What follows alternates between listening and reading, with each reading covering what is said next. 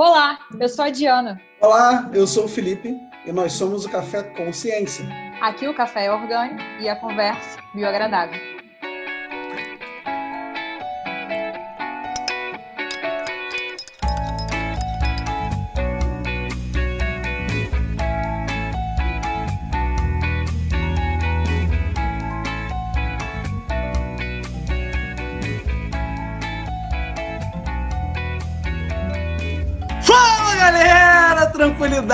Tranquilidade. Como Felipe. é que vocês estão aí? Tudo bem? Você ainda não se acostumou, Jana? Não, Fala não sério, cara. Hoje a gente está aqui para falar de um assunto muito sério, mas com uma leveza, uma tranquilidade, com uma felicidade que eu acho que só essa pessoa que a Jana trouxe vai conseguir falar com a gente. Dia, quem vem lá no horizonte? Fala comigo. Fala, Biolindos, tudo bem com vocês? Hoje nós vamos entrevistar a Raquel Melo. Eu conheci a Raquel na FRJ, nós fizemos biologia juntas, lá na Universidade Federal. E é, em março de 2018, a Raquel foi diagnosticada com leucemia. Então eu vou convidar a Raquel para já começar respondendo uma pergunta para gente. Raquel, como que foi receber esse diagnóstico? Olá, gente, tudo bem? Primeiro queria agradecer, né? É uma honra estar aqui com vocês. Nossa, já vamos começar assim, né? É, receber um diagnóstico de leucemia não é nada fácil, né? A gente perde o chão, sem dúvidas, é uma coisa muito difícil, mas é uma grande chance da gente se reinventar, né? Ressignificar a vida, é, o nosso olhar sobre a vida, sobre a vida, sobre um vento batendo no nosso rosto, estar na nossa casa, valorizar a nossa casa, a nossa cama, a nossa família. Tudo, tudo, tudo mesmo. Imagina. Nossa, e... as pequenas coisas, né, cara? Esse impacto da, de curtir as pequenas coisas deve ser fantástico. A gente enxerga, passa a enxergar a vida de uma outra forma, né? Exatamente. Quando, quando a gente passa por momentos assim, né, que a gente não espera, enfim, momentos difíceis, a gente passa a enxergar a vida de uma outra forma. Então, é, isso que vocês estavam falando, né? É, o meu tratamento em particular, né? Eu passava ele inteiramente internada, né?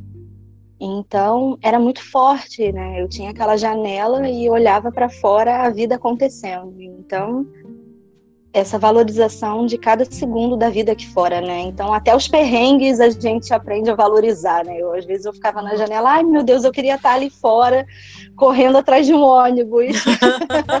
em pé, ai né? meu Deus, é, como eu queria estar atrasada que em pé no né? ônibus. Correr, que saudade, exatamente, exatamente. Imagina. E quanto tempo você ficou internada? Então, cada ciclo é, cada ciclo de internação eu ficava mais ou menos um mês internada. Né? Foram quantos ciclos? Eu fiz cinco ciclos. Eu ficava um mês internada, voltava para casa, ficava de 12 a 14 dias descansando e já voltava para ficar mais um mês internada. Ficava mais no hospital do que propriamente dito em casa, né? Então era muito puxado e dava muita saudade. E assim, cada momento também em casa era assim, nossa, era muito valorizado. Cada abraço parecia uma coisa assim super especial. Era único, parecia assim o último, mas não com um tom de despedida. Sim, Era sim. uma coisa assim muito especial, comemorada. E estar no hospital olhando para fora, aquilo se tornava muito valoroso mesmo. Sim, com certeza. E o que é leucemia, Raquel? A leucemia, né, ela é, ela é um câncer na formação das células sanguíneas, né? Ou seja, é, direto na medula óssea. O que, que é a medula óssea? Ela é a fabriquinha, né, dos componentes sanguíneos, ou seja, os glóbulos vermelhos, né, que são as hemácias, né, ou eritrócitos, as plaquetas e os glóbulos brancos, que são os leucócitos, né? A leucemia, ela pode ter diversos tipos, né? Ela pode ter leucemia mieloide aguda, ela pode ter leucemia mieloide crônica, ela pode ter leucemia linfóide aguda, linfóide crônica. Então, ela tem um leque imenso de tipos de leucemia e suas mutações. Né? Essas mutações, no caso, são os que podem gerar ela. Né? O meu caso em específico foi leucemia mieloide aguda e a mutação não está na, na medula óssea, né? O que torna bem complexo e bem grave, né? Porque a mutação atua em outro local, ela pode recidiv fazer uma recidiva várias vezes e contaminar a minha medula outras vezes, né? E, e, e, e essa parte aguda, é, o, o doutor explicou que pode dar de uma forma muito rápida. Em até 48 horas ela pode dar e, e as células se multiplicam de uma forma muito rápida. E não somente os leucócitos. Né? Esse tipo que eu tive, ele altera todo o hemograma, né? Altera as hemácias, as plaquetas e os leucócitos.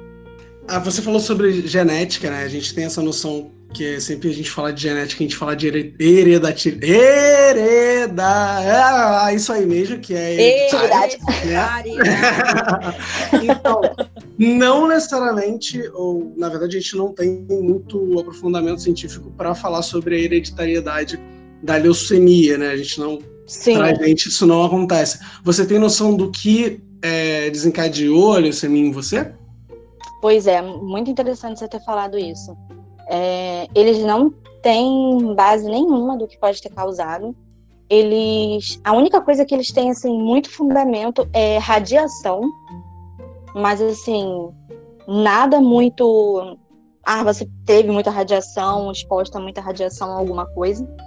Por acaso, a minha avó teve é, leucemia também, só que foi leucemia mieloide crônica, então foi outro tipo, então já descartado totalmente a relação. É, e a única coisa que eles relacionam com a leucemia mieloide aguda é radiação, né? E, e por acaso eles estão dizendo que tem muita gente entrando com esses diagnósticos ultimamente, muitos jovens, mas não aprofundaram nada além não. Então, no Nossa, caso, é, então, no caso, o câncer, a origem do seu câncer não foi hereditária. Não. Mas foi algo esporádico, algo que você adquiriu ali ao longo da vida e eles relacionaram com a radiação, com a incidência de radiação. Isso. Eu até perguntei para eles sobre estresse e tudo mais, porque eu vinha com muito estresse. Vejo outras pessoas hoje em dia que eu conversei que também relatam que estavam em momentos de muito estresse e eles ficam sempre naquela assim, né? Não temos comprovação, né? Mas você não tem nem noção de, de fontes de radiação. Você não trabalha com radiação, você não trabalha com não. nada nesse sentido. Não. O que eu fazia, assim, bastante era pegar sol sem protetor.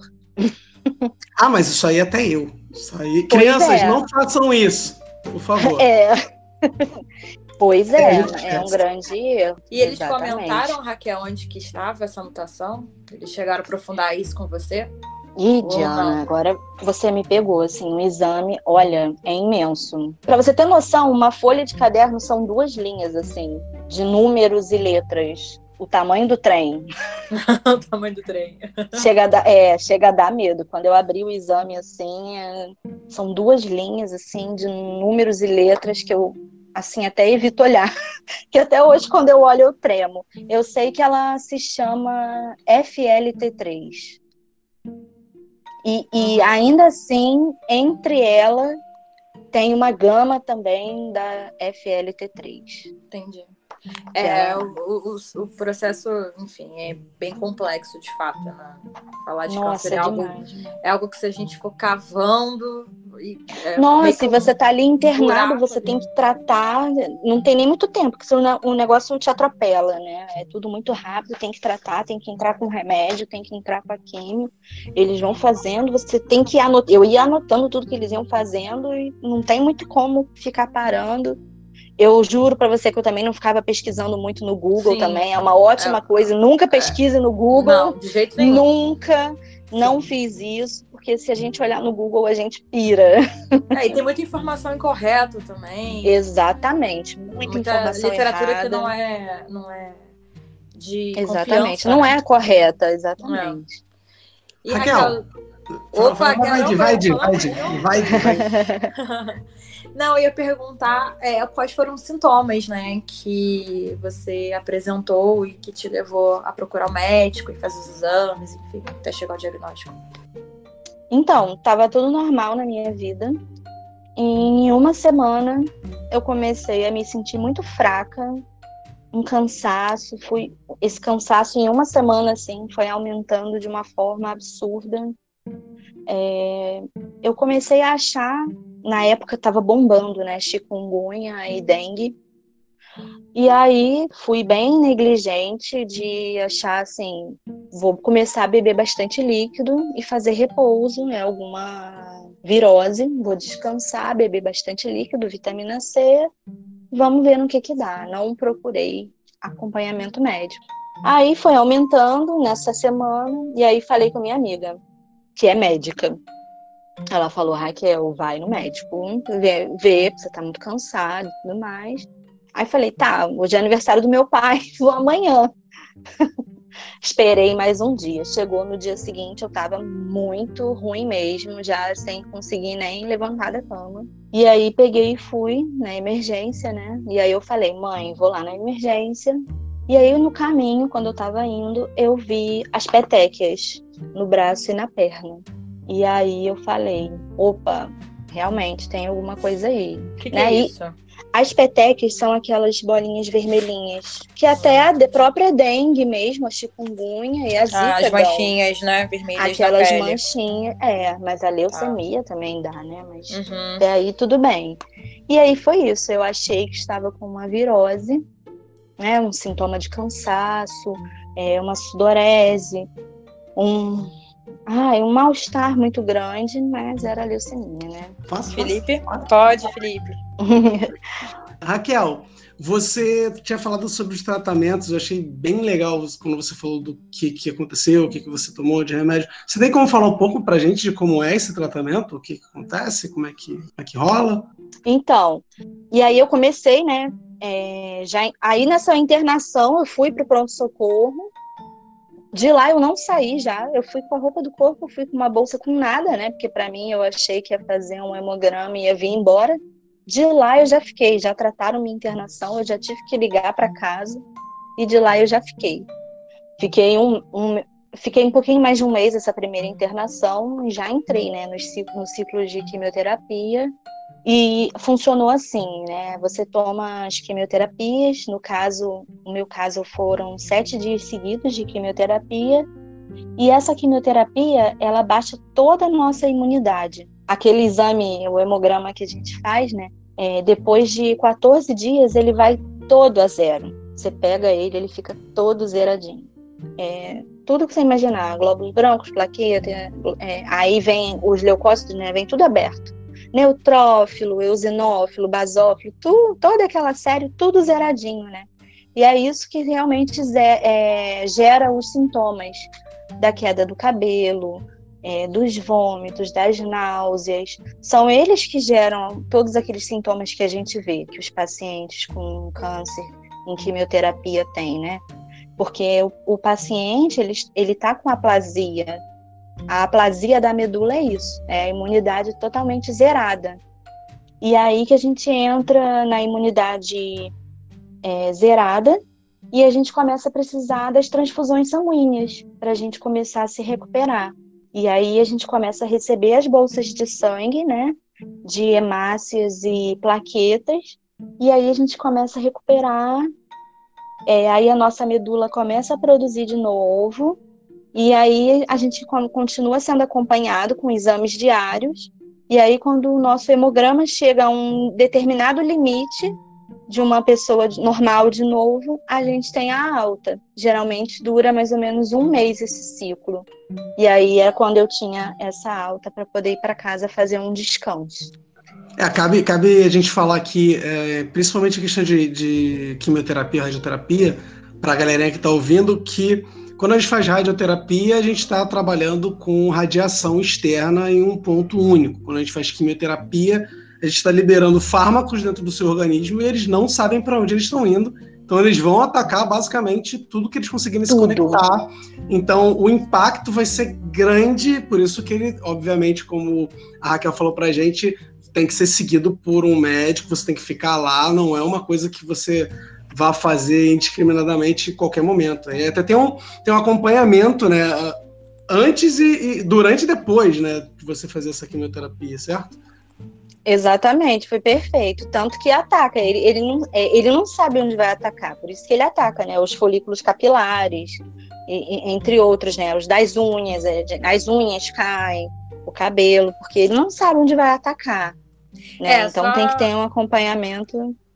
Só Pode aprofundando, não aprofundando aí a fala de vocês, é, a, o quimioterápico, né? Ele tem administrado, né? A quimioterapia ela tem por função atacar, frear a multiplicação, as mitoses, né? Porque o, o câncer é justamente isso, né? É um excesso de mitose de células que têm o potencial é, tumorigênico. É, então, a quimioterapia ela, ela tem por objetivo atacar qualquer célula que esteja em multiplicação, né? Então, é, além do, do, do, teu alvo mesmo, né? Ali do alvo do, que é, é destruir as células proliferativas cancerígenas, a quimioterapia ela acaba atingindo também outras células proliferativas que não são cancerígenas, né, que são saudáveis, mas que respondem também é, ao quimioterápico. Né? Então, um do, na verdade, um dos grandes desafios aí da, da medicina e da biologia, né, da, da área da oncobiologia, é justamente tentar é, é,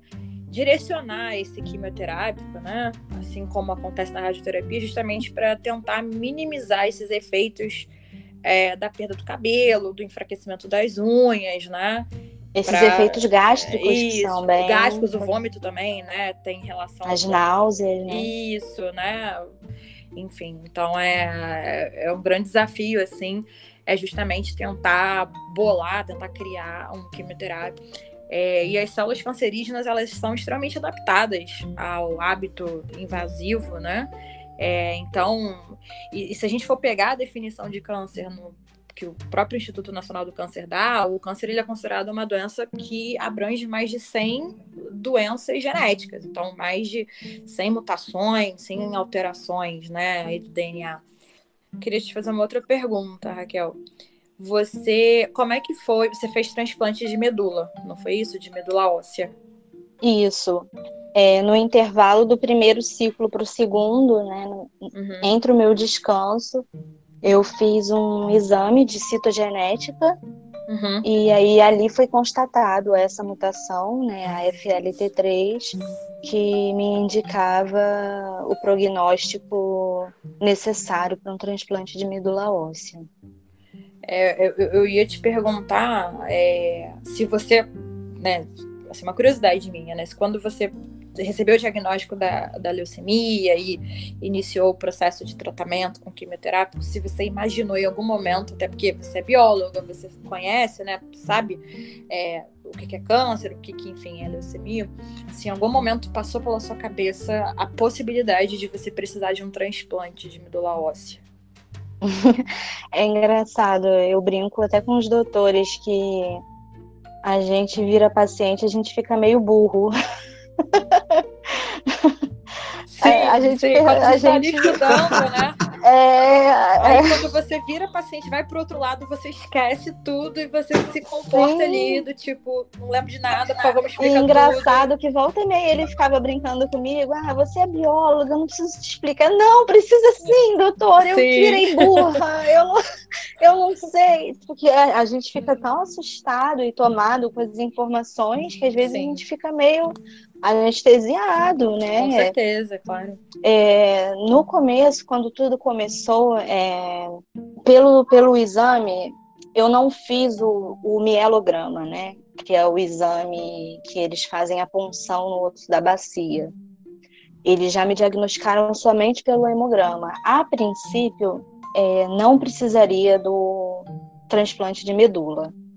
Então, eu fiz o primeiro ciclo muito confiante no, nos ciclos. Então, eu abstraí totalmente o transplante e fiz aquele primeiro ciclo ali com sangue nos olhos, que estava tudo bem, que então assim, quando no intervalo eu recebi o exame, olhei aquela FLT3 lá com as duas linhas, cheio de letras e tudo mais sozinha no meio da rua, porque eu peguei um exame sozinha no meio da rua, olhei aquilo, eu senti, hum, né, bióloga, deu aquela olhadinha assim, sozinha no meio da rua e fui para consulta, já deu uma, uma assustada.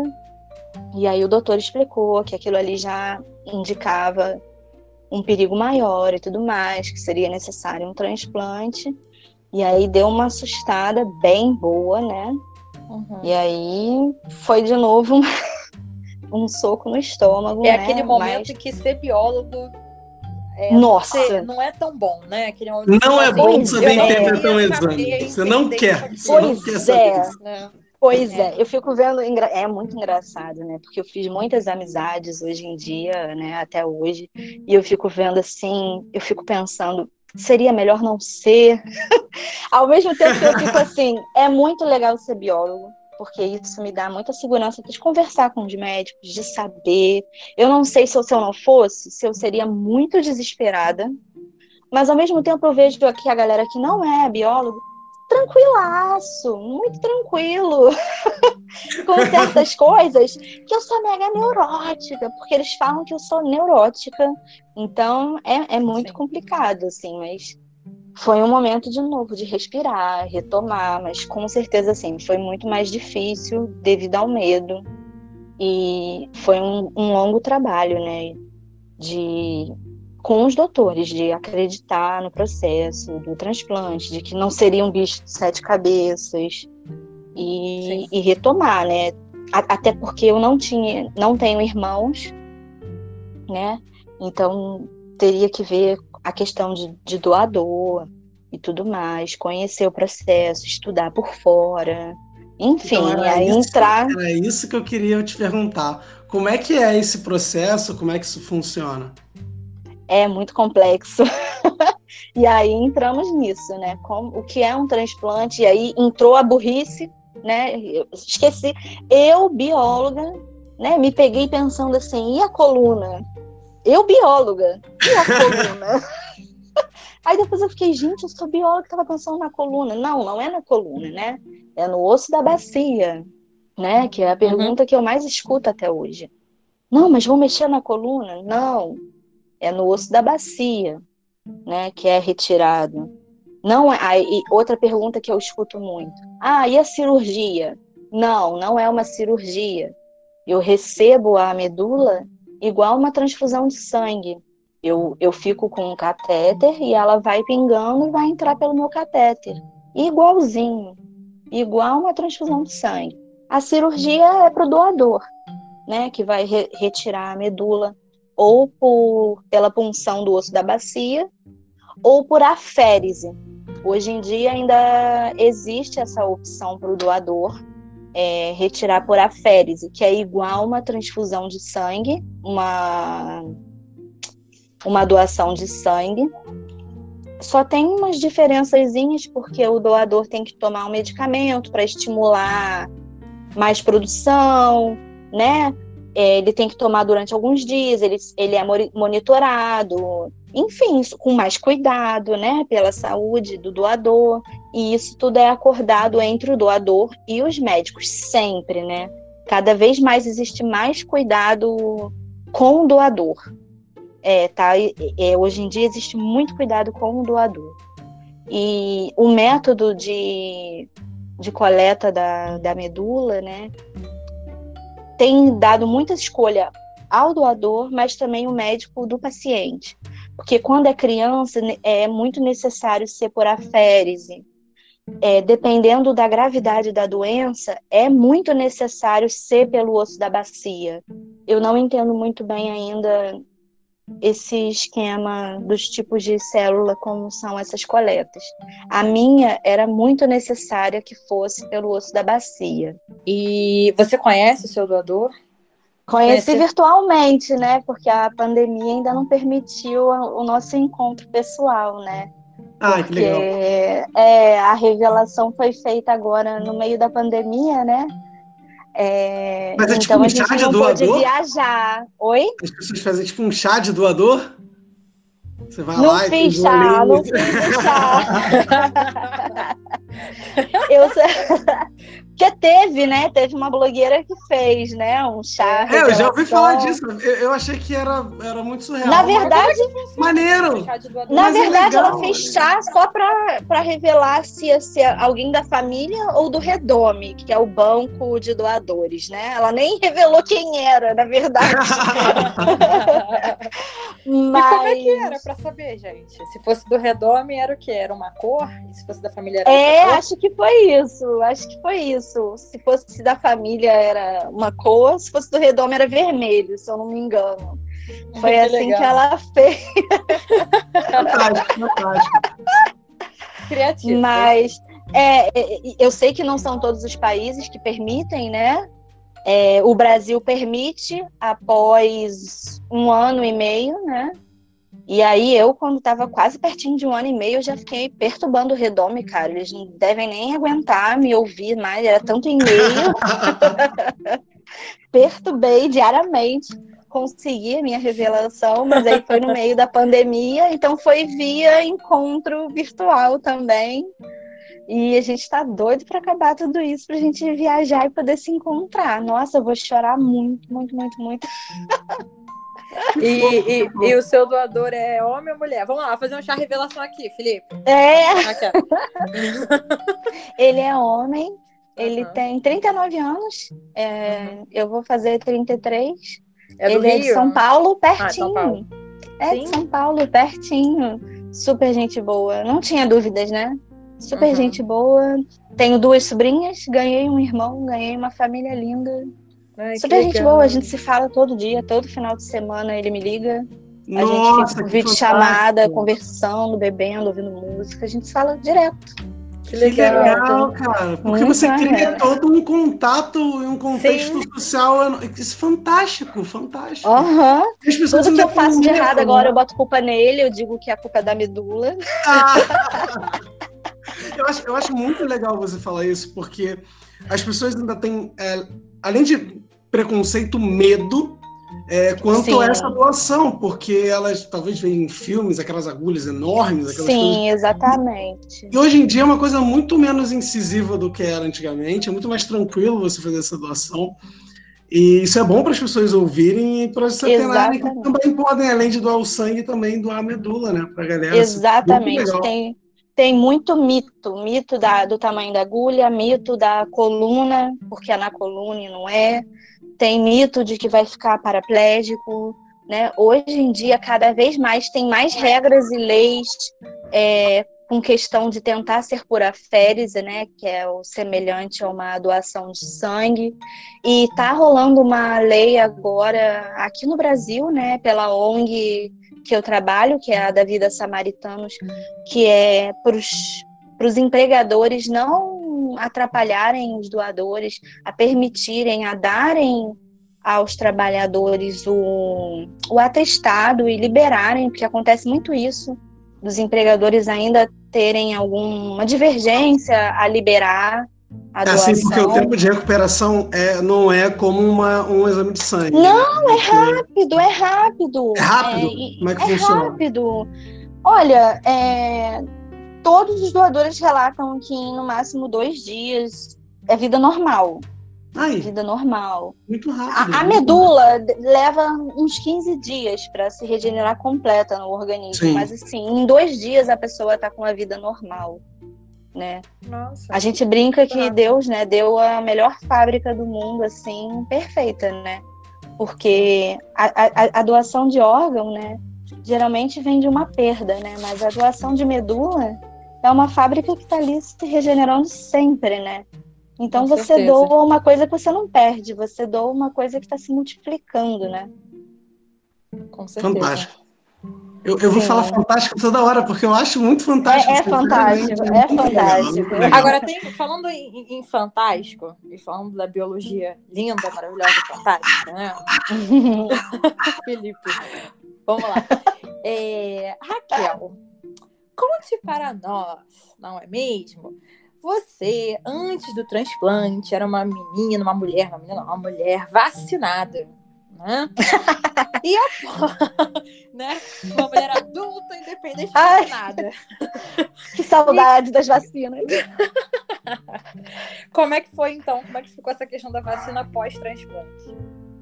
Pois é, o transplante, ele é um reset. é um reset no nosso organismo, assim. A gente perde todas as vacinas. Todas, E ela todas, não tá todas. falando do cartão de vacinação, não, tá, galera? Ela tá falando da É, imunidade. aliás, o cartão eu tenho. O cartão eu tenho. Lindo e pleno, mas no meu organismo, nenhuma. A gente perde toda a nossa imunidade, Memória, Oh, nossa memória, Uhum. é, e nós temos.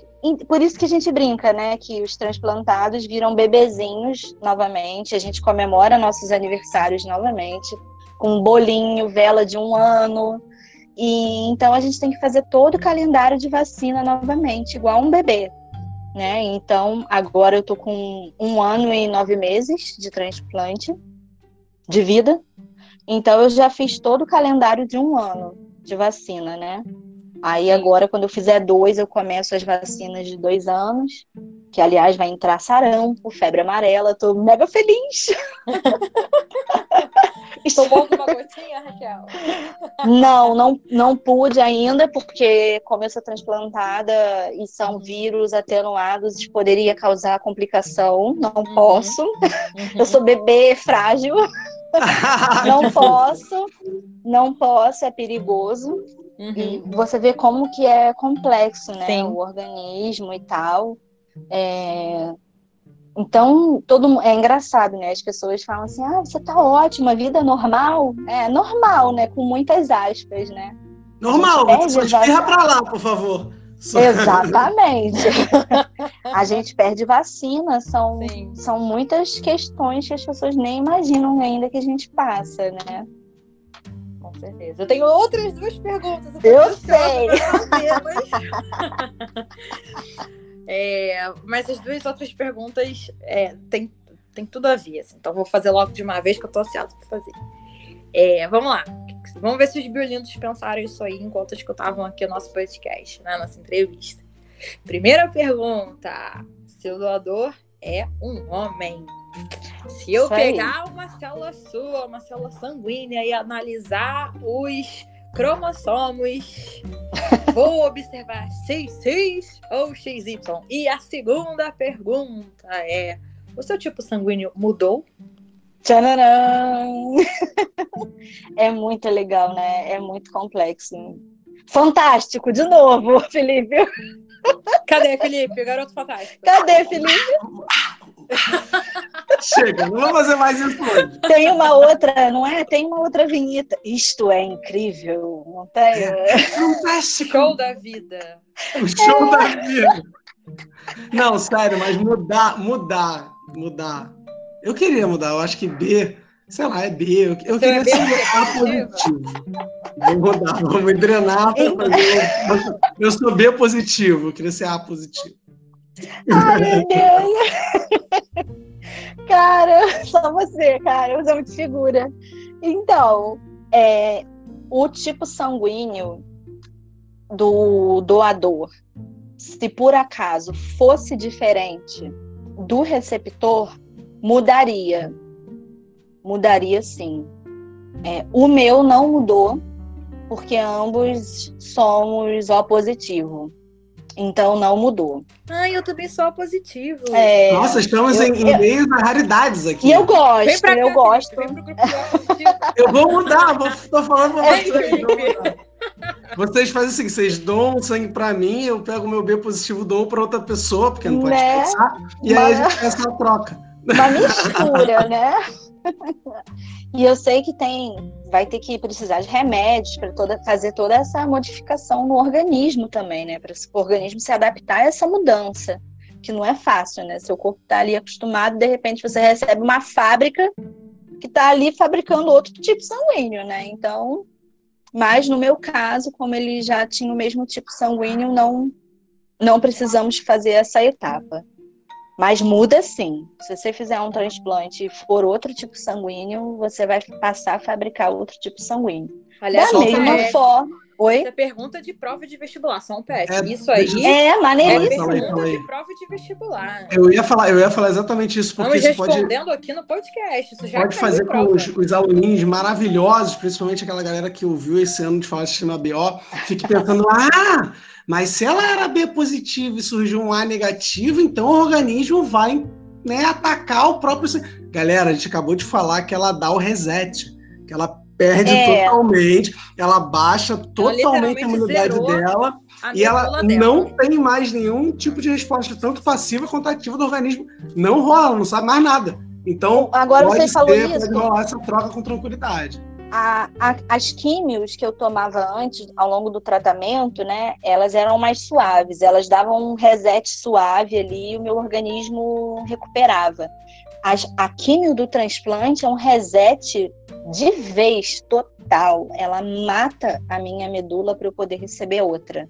Ela mata mesmo, mata a minha medula para eu receber outra. Então, acabou. Eu vou, eu vou receber a nova fábrica. O que a nova fábrica produzir, eu vou passar a produzir. Isso é muito legal, muito maneiro, né?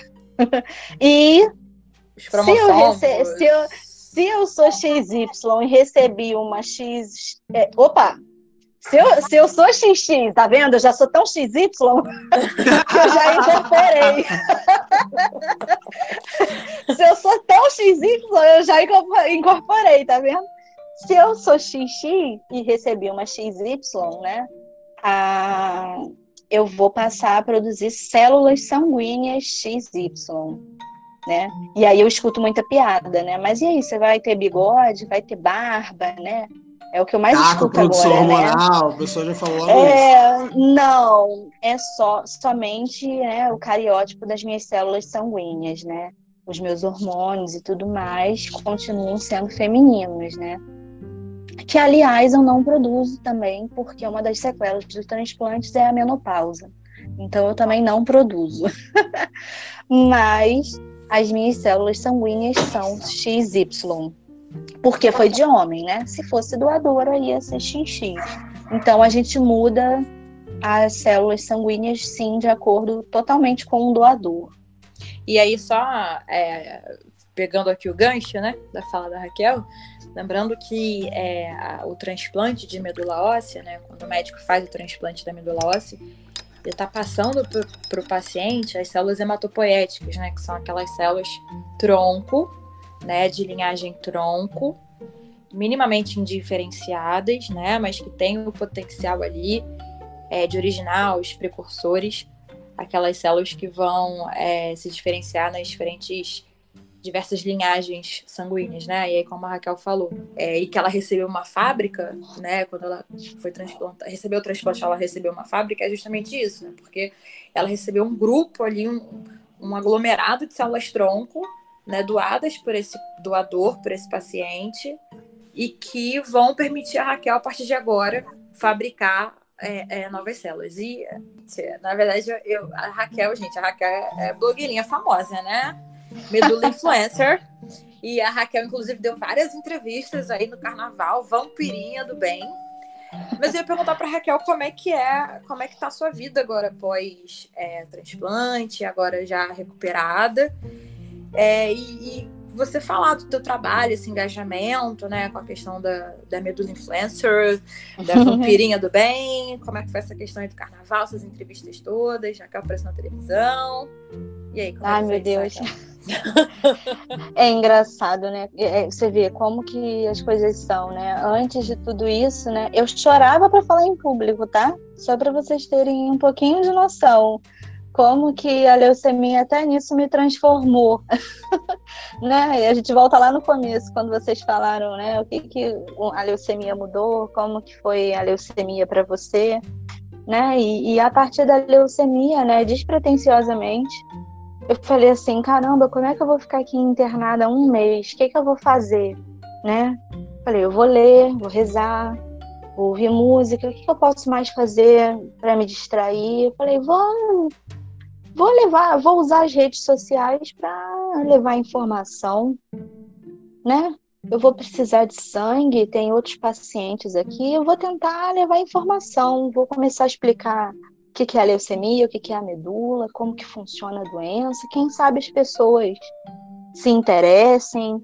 Vou tentar fazer meme, né? Comecei a brincar, comecei a fazer meme. Aí falei, ah, vou, vou brincar. Aí comecei a mostrar a camisola do hospital, comecei a mostrar é, o processo de raspar a cabeça, aí fiz um penteado bonito lá no dia de raspar a cabeça, né? E aí, é, aí comecei a pedir sangue, né? Falar, gente, tem que, tem que, o pessoal tem que doar sangue, não sei o quê. Eu me sentia muito, muito bem quando recebia as transfusões de sangue, é óbvio, né? A gente sem sangue, tá com aqueles sintomas todos. E aí todo dia os doutores chegavam e falavam, vai, doutor, não tem como trazer uma bolsa de sangue hoje? Eles falavam, Raquel, você tá virando uma vampira. Tá virando uma vampira todo dia, né? ah, é, uma na cama na janta. É, isso aí. Aí eu falava, caraca, o doutor chegava e falava, hoje tem transfusão, né? Ele, não. Aí eu, ai, doutor, por favor, uma bolsa. Ele, Raquel, não é assim, não. não pedia nem remédio. Eu falava, ai, doutor, uma bolsa, uma bolsa, uma bolsa de plaqueta, doutor. Ficava Raquel discutindo. The Bloodstock. É. Aí começou aquilo, né? Ah, lá, o quarto da vampira, aquele ali, a vampirinha, que não sei. Aí ficou. E meus amigos também, minha família, brincando.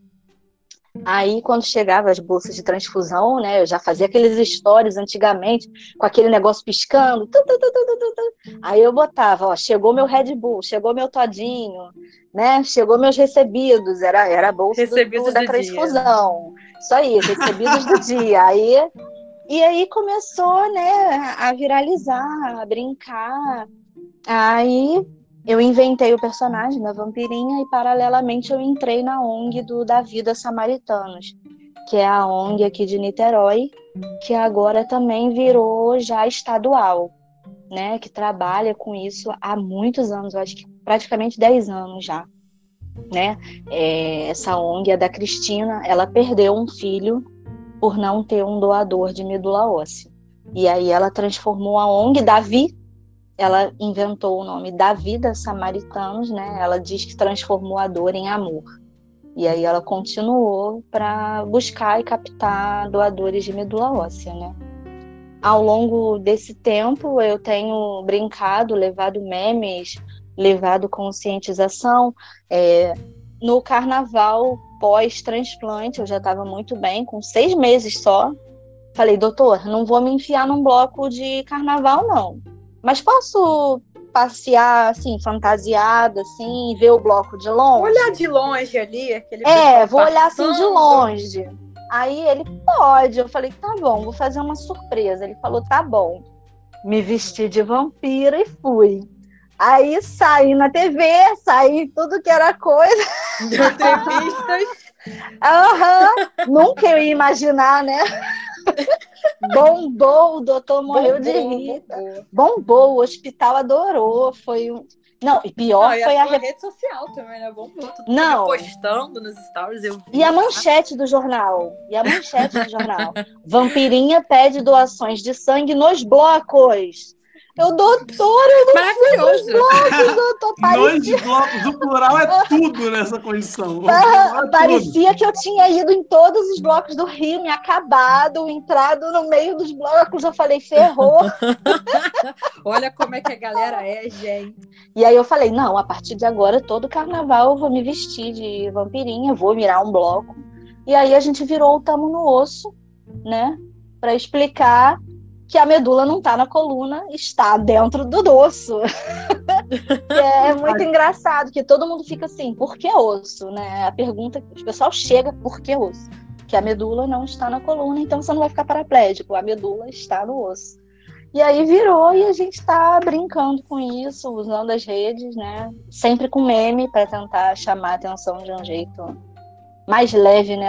É um assunto tão pesado, complexo, e aí agora eu vou já jogar meu doador também no vento para jogar os relatos dele, né? Porque ele não salvou só minha vida, né? Ele salvou toda a minha família, né? Ele salvou minha vida e isso é fantástico. É fantástico, ela pegou fantástico. Agora, agora só uma coisa que eu acho interessante comentar é que, assim, esse trabalho da Raquel com, com o bloco, né? Tamo no osso. Inclusive tem uma página lá no, na rede social. Tamo no osso. Tamo no osso. Eu tô lá, tô seguindo. É, tem outra coisa também que eu acho interessante, que é uma dúvida, na verdade, uma confusão que eu vejo muitas pessoas fazendo, que é essa questão da medula, né? Porque quando você fala assim, ah, transplante de medula. E aí, assim, a gente tem ossos, né, ali sustentando o nosso corpo e protegendo os nossos tecidos. E a gente tem a famosa medula espinal, que é sistema nervoso central, que está protegido por osso, que no caso da medula espinal é, são as vértebras, né? E a gente tem a medula vermelha, né? Que é o tecido rico em células capazes de dar origem às células sanguíneas. Então, quando você fala medula, né, porque a, a, palavra, a ideia de medula dá essa coisa de uma, dá. dá essa ideia de mais interno, né? A gente tem até um desenhozinho lá do esqueletinho, uhum. da, da coluna, assim. É, é, bem, bem arcaico. A coluninha lá, medula espinhal, e tem um outro desenhozinho, uma baciazinha com a setinha. Tipo, é aqui, é aqui não é aqui. aqui. É, é. Exatamente, para tentar ficar bem, bem didático. Eu falei, Sim. gente, eu acho que eu vou publicar isso, tipo, uma vez por semana. É, vou fazer publicação sem publicação, Ajuda. não, sabe? Para ficar uma tira do Instagram, sabe? Que é a fileirinha. Uma fileirinha só disso. Só disso. Não tem jeito, não tem jeito. Dá pra fazer um meme mais... você não, né? Sabe aquele meme que é. você vai botando várias, assim, várias imagens Boa. e aí bota a medula você não. espinal, você não, né? Tipo, não é aqui. Boa ideia, gostei, gostei, vou fazer. Farei. Você não. Então, então quer dizer, Raquel, que você é a blogueirinha da onde? Ela é. É, ah, aí foi a, o que a Diana falou. A minha mãe inventou o termo medula influencer. eu adorei, porque todo mundo, nossa, a Raquel tá virando blogueirinha. Nossa, a Raquel tá não sei o que lá, influencer. Aí minha mãe, medula influencer. Eu falei, ih, ó, isso vai pegar. Raquel, é, eu vou te fazer uma pergunta.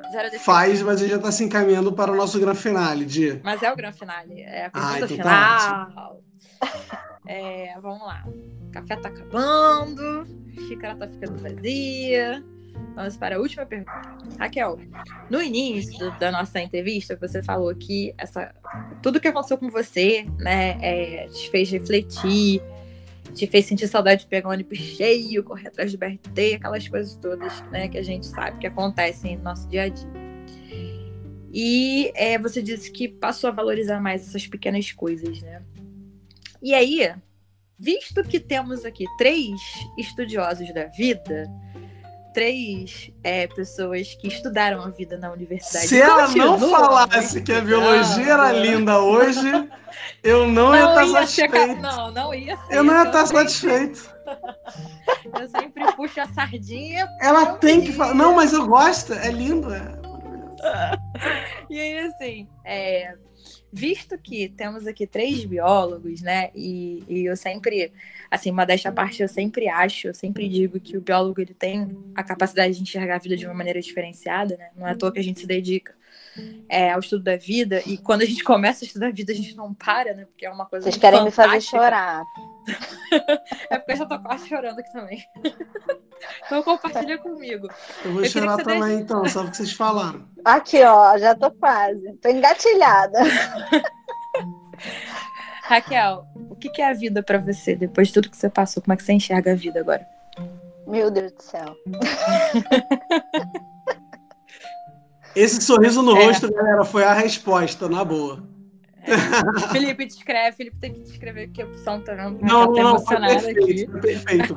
Quando a Diana perguntou, a... eu acho que é, é, é, vem de dentro e quando a gente não consegue traduzir em palavra, os nossos músculos, principalmente os nossos faciais, eles tendem a, a demonstrar. A gente pode ficar meio chateado, a gente às vezes pode ficar um pouco é, é, mais travado, você fecha o rosto com a resposta. Você não quer dar a resposta, você não tem a resposta, mas você aparenta a resposta. Vocês não estão vendo, mas eu mas vi ouvindo, né? a resposta. E foi uma resposta linda, branca, bem certinha, que parece que usou aparelho assim a vida inteira. Uma resposta maravilhosa, aquele brilho combate. E, de boa, eu só tenho a agradecer por essa resposta que ela deu, porque a resposta dela me fez rir também, fez a Diana rir também. E é isso, cara. perfeita, Raquel. Foi a melhor resposta que eu já ouvi sobre a vida. Um sorriso lindo. Na boa. Engraçado que, como bióloga, eu não consegui falar hoje, né? E vocês estavam brincando falando de muitos títulos, né? E a leucemia não me permitiu usar o meu título de bióloga, né? Até hoje eu não posso usar meu título de bióloga e isso corta um pouco o meu coração, né? Um pouco não, né? Bastante. Então eu tive que me, me reinventar bastante. E, e tudo isso que eu venho buscando fazer é, é doar. E eu acho que a vida é isso, é doar. Doar o que a gente pode. Doar alegria, doar brincadeira, doar a vida. A gente pode doar de várias formas. Teve pessoas que não puderam me doar sangue, mas me doaram alegria, me doaram meme, me doaram ajuda. É doar. Viver é doar. A vida é doar alegria e, e ajuda e estender a mão de alguma forma, uma conversa que fosse. Às vezes eu estava no hospital e, e uma pessoa que estivesse conversando comigo à distância no WhatsApp me salvava. É isso. Eu só tenho a agradecer vocês, foi muito especial. Nada, a gente tem que agradecer demais. Não tem como muito, acabar muito o programa de uma forma melhor do que esse sorrisão maravilhoso. Hoje Fala. a primeira temporada de gravações. Exatamente. Da melhor forma, Exatamente. Com a melhor, melhor entrevista, dessa forma emocionante. Maravilhoso. Gente, Felipe, Deu vontade calma, até de encher uma xícara de café de novo para continuar conversando. Raquel. Raquel. Caramba, eu só tenho a te agradecer no fundo do coração por tudo isso que você fez pela gente, por conversar com a gente, abrir o coração para a gente.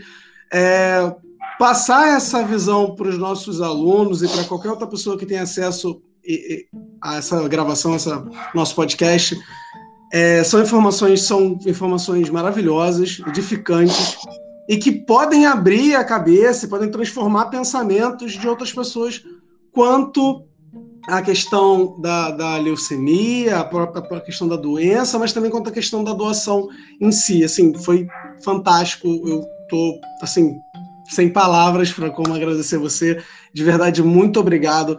É, Diana.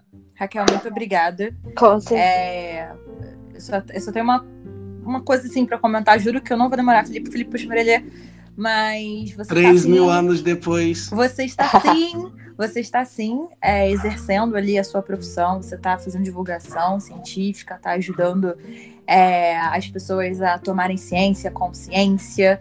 Então eu vou discordar com, de você, desculpa, mas você está sim sendo uma excelente Amei. bióloga cumprindo a, aquele, aquele juramento que a gente faz, que é de amor à vida, que é de respeito à vida. Então, você está fazendo isso da melhor forma, que é conscientizando as pessoas. Então, muito obrigada. Muito Ai, obrigada, que de verdade. Muito obrigada, muito obrigada. Só se agradecer. Não consigo nem falar, obrigado, obrigado. obrigado. Ah, não, aproveita e fala então. Qual é o Foi Instagram, que é pra gente poder ah, é, seguir você. Faz o seu jabazinho aí, tá? Que é de graça.